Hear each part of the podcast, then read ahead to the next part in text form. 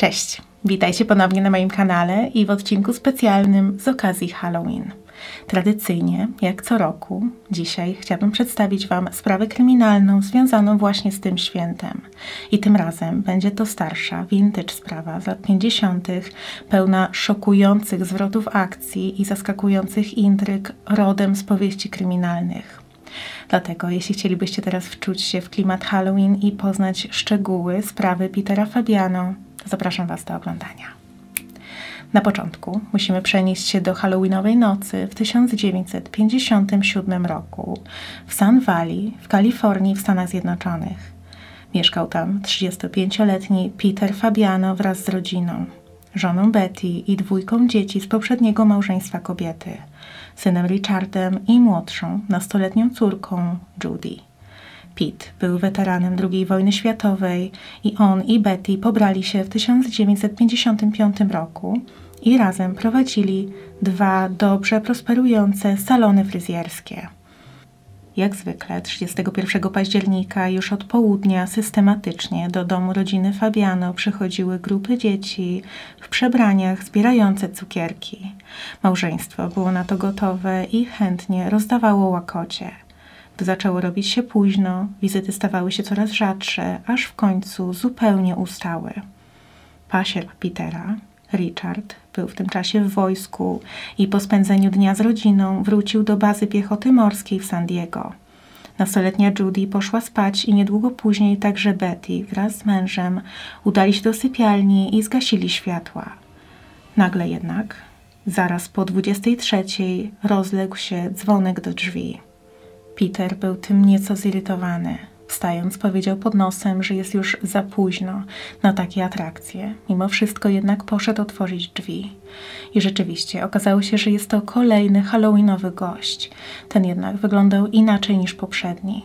Był znacznie wyższy, miał twarz pomalowaną jaskrawą farbą i zakrytą jedynie tak zwaną maską domino, czyli wąską maską zakrywającą wyłącznie okolice oczu.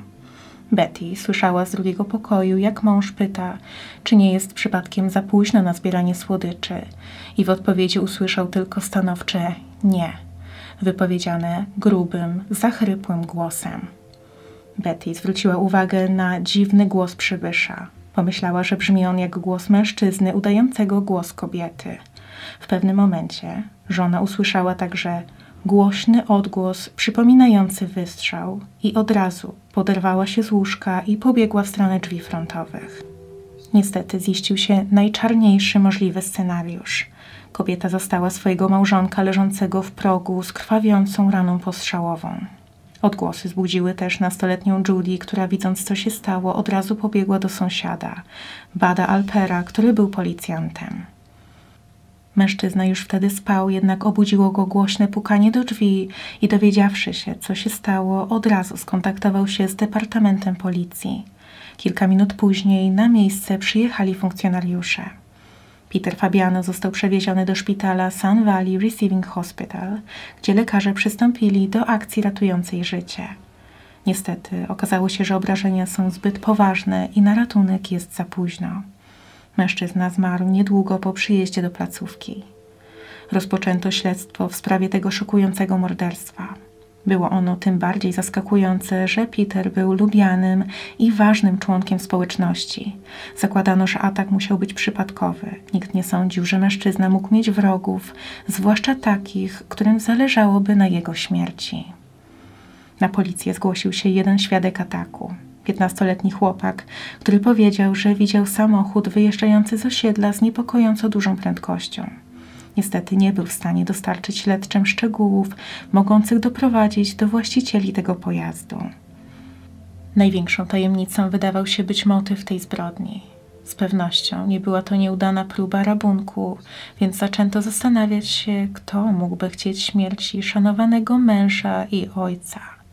Zwracając uwagę na charakterystykę tego napadu, zauważono, że przypominał on porachunki gangów i mafii, których działanie było dość powszechne w Kalifornii w połowie XX wieku.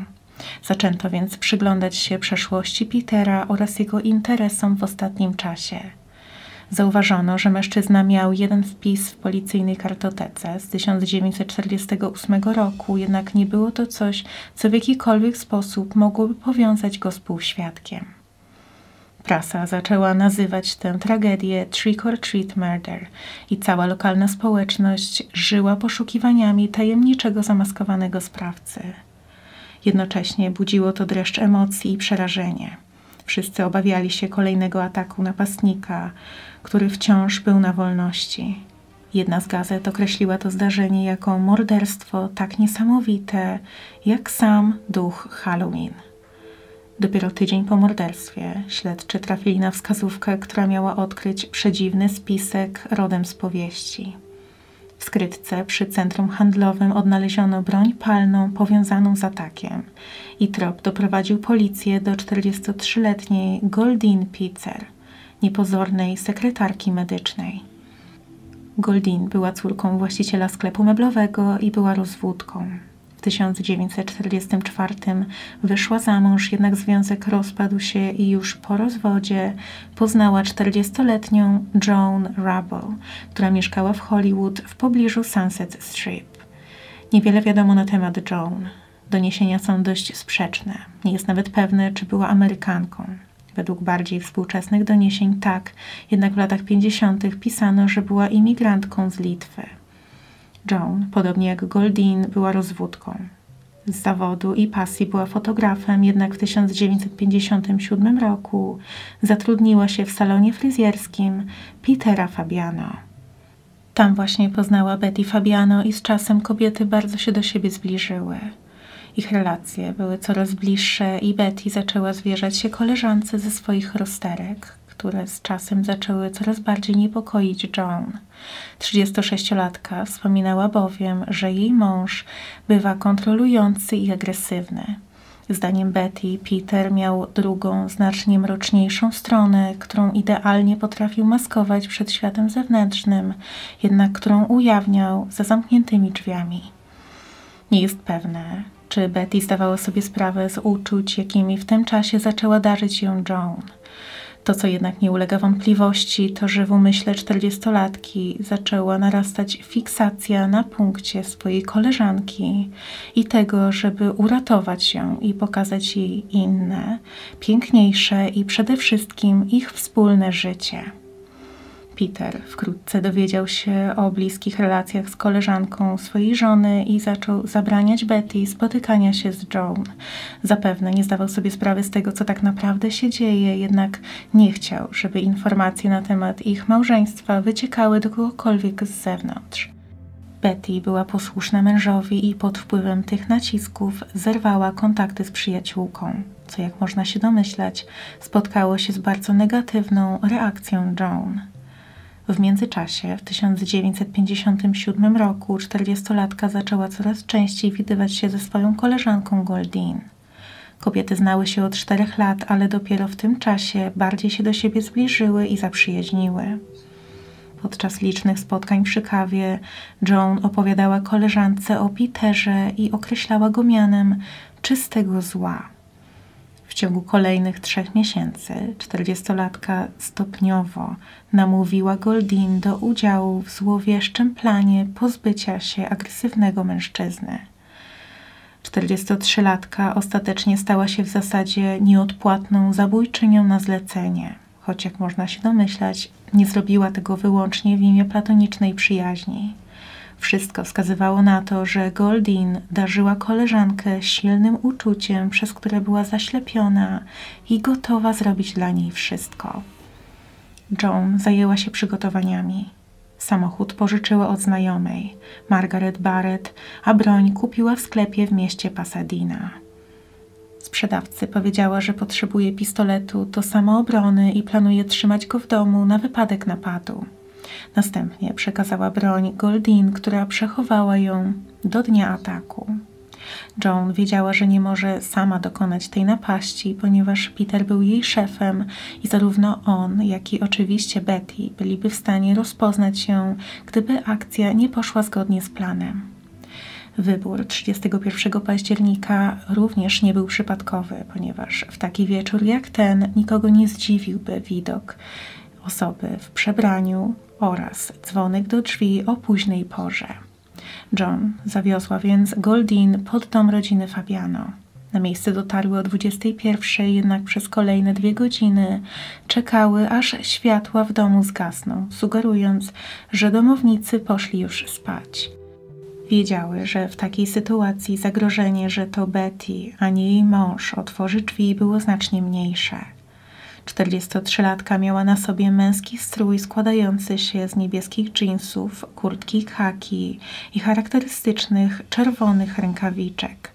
Broń użyta podczas ataku była ukryta w papierowej torbie, dlatego Peter w pierwszej chwili nie miał pojęcia, że przybysz ma mordercze intencje.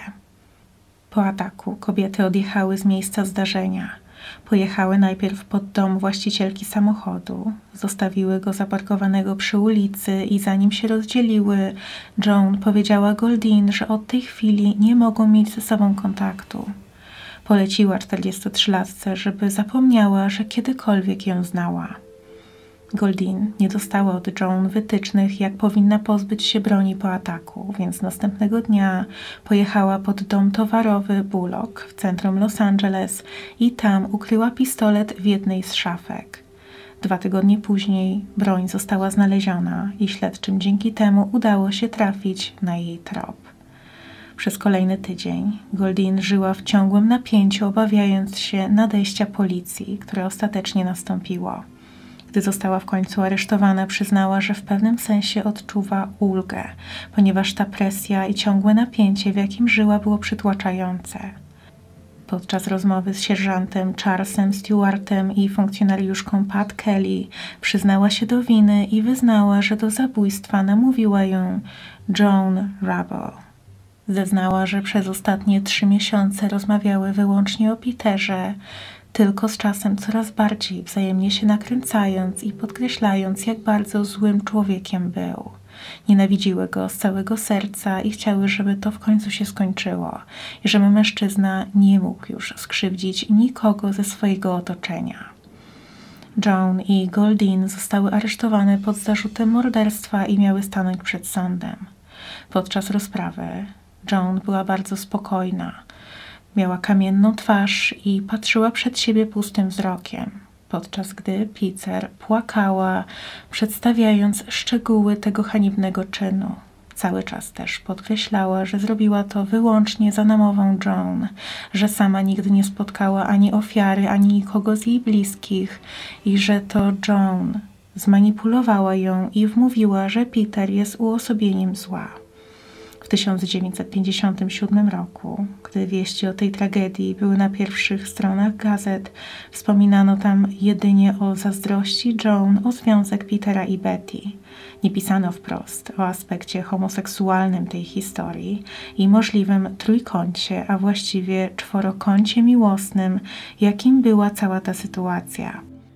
Jak można się domyślać, w tamtym czasie chociażby sugestia, że trzy kobiety mogły być powiązane ze sobą w taki odbiegający od społecznych norm sposób było skandaliczne. Homoseksualizm był wtedy prawnie zakazany, więc i wzmianki w gazetach na ten temat nie mogły mieć miejsca. Można jednak domyślać się, że czytelnicy nie mieli problemów z czytaniem między wierszami. Gdyby Joan Rubble przyznała się w swoich zeznaniach do orientacji, mogłoby mieć dodatkowe, poważne problemy prawne. Zapewne więc dlatego postanowiła skorzystać z ugody obrończej, odmówić składania zeznań, przyznać się do winy, otrzymać niższy wymiar kary i też przy tym uniknąć prawdziwego, pełnego procesu sądowego, który mógłby trwać miesiącami albo nawet latami. Początkowo Goldin, choć przyznawała się do pociągnięcia za spust, postulowała bycie uznaną za niewinną ze względu na niepoczytalność w momencie dokonania czynu. Twierdziła nie tyle, że była pod wpływem manipulacji Joan, ale że koleżanka rzuciła na nią urok w stylu Svengali. Z informacji w internecie wynika, że Svengali jest postacią z powieści z 1894 roku. Jest to mężczyzna, który uwodzi i wykorzystuje młodą dziewczynę, po czym czyni ją sławną piosenkarką. Goldin zapewne sugerowała tym, że pod wpływem siły wyższej nie była w stanie oprzeć się prośbom Joan. Podczas jej zeznań nie padły oczywiście takie słowa jak miłość czy zauroczenie, choć zdecydowanie można było wyczytać to między wierszami. Ostatecznie zarówno Joan, jak i Goldin przyznały się do dokonania morderstwa drugiego stopnia. Wyrok zapadł 11 marca 1958 roku i obie kobiety zostały skazane na 5 lat pozbawienia wolności. Wcześniej Goldin poddano też analizie psychiatrycznej i zdaniem lekarza była ona osobą wierną, podatną na manipulacje, podręcznikowym wręcz, przykładem osoby wykorzystanej jako narzędzie do realizacji celu. Rubble z kolei została przez niego określona jako osoba schizoidalna, czyli wycofana społecznie, nie mająca zdolności przeżywania emocji, odczuwania radości, przyjemności, strachu czy złości. Takim osobom bardzo często brakuje też poczucia humoru. Zbrodnia, która początkowo wydawała się być tajemnicza i niezrozumiała, ostatecznie okazała się być przykładem sytuacji starej jak świat. Motyw, jaki kierował Joan, był jednym z dwóch najczęstszych motywów do zbrodni. Jednym są pieniądze, a drugim miłość. I choć nie ulega wątpliwości, że Peter Fabiano mógł mieć wiele za uszami, w latach 50. dość częste były dysproporcje w związkach. Mężowie nieszanujący swoich żon i stosujący wobec nich przemoc fizyczną i psychiczną. Betty mogła więc być ofiarą swojego męża, jednak z drugiej strony chęć uratowania koleżanki z toksycznego związku to nie był jedyny cel Joan.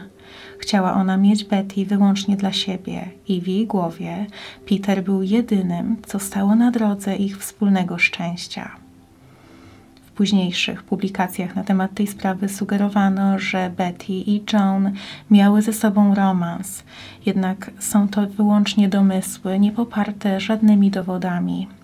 Oficjalnie jednak przyjmuje się, że kobiety łączyła wyłącznie relacja przyjacielska, a Betty nie miała pojęcia o uczuciach, jakimi darzy ją przyjaciółka i przede wszystkim o tym, że planuje skrzywdzić jej męża, aby uwolnić ją spod jego kontroli.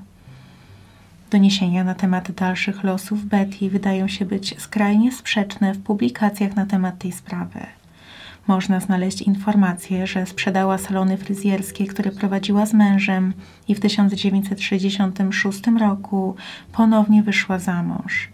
Według innych źródeł z kolei nie miała kolejnego męża. To, co do czego źródła są zgodne, to że Betty zmarła w 1999 roku w Palm Desert w Kalifornii. Wiadomo też, że Goldin Pitzer zmarła w Los Angeles w 1998, ale nic nie jest wiadome na temat dalszych losów Joan. Wydaje się, jakby rozpłynęła się w powietrzu. I to jest już koniec tej sprawy. Musicie przyznać, że brzmi to bardziej jak fabuła powieści kryminalnej osadzonej w realiach połowy ubiegłego wieku niż rzeczywistość. Jeśli macie przemyślenia na temat tych wydarzeń, to koniecznie podzielcie się nimi w komentarzach. A teraz chciałabym bardzo serdecznie podziękować Wam za oglądanie. Mam nadzieję, że taki tematyczny odcinek był dla Was ciekawy.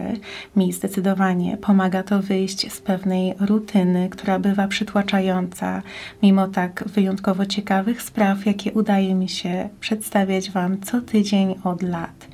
Jestem też bardzo ciekawa, ile z Was to trwało do tego momentu odcinka, do samego końca. Dlatego jeśli nadal mnie oglądacie, to napiszcie proszę w komentarzach, jaki będziecie mieć strój w tym roku na Halloween, a jeśli nie decydujecie się przebierać, to jaki jest Wasz wymarzony strój. Do swoich komentarzy dodajcie emotkę ducha, żebym wiedziała, że odpowiadacie właśnie na to pytanie. A jeśli macie propozycje, o jakich innych sprawach mogłabym powiedzieć w kolejnych odcinkach z tej serii albo miniserii o sektach, to również napiszcie je w komentarzach. A teraz bardzo dziękuję Wam za oglądanie i do zobaczenia niedługo. Cześć!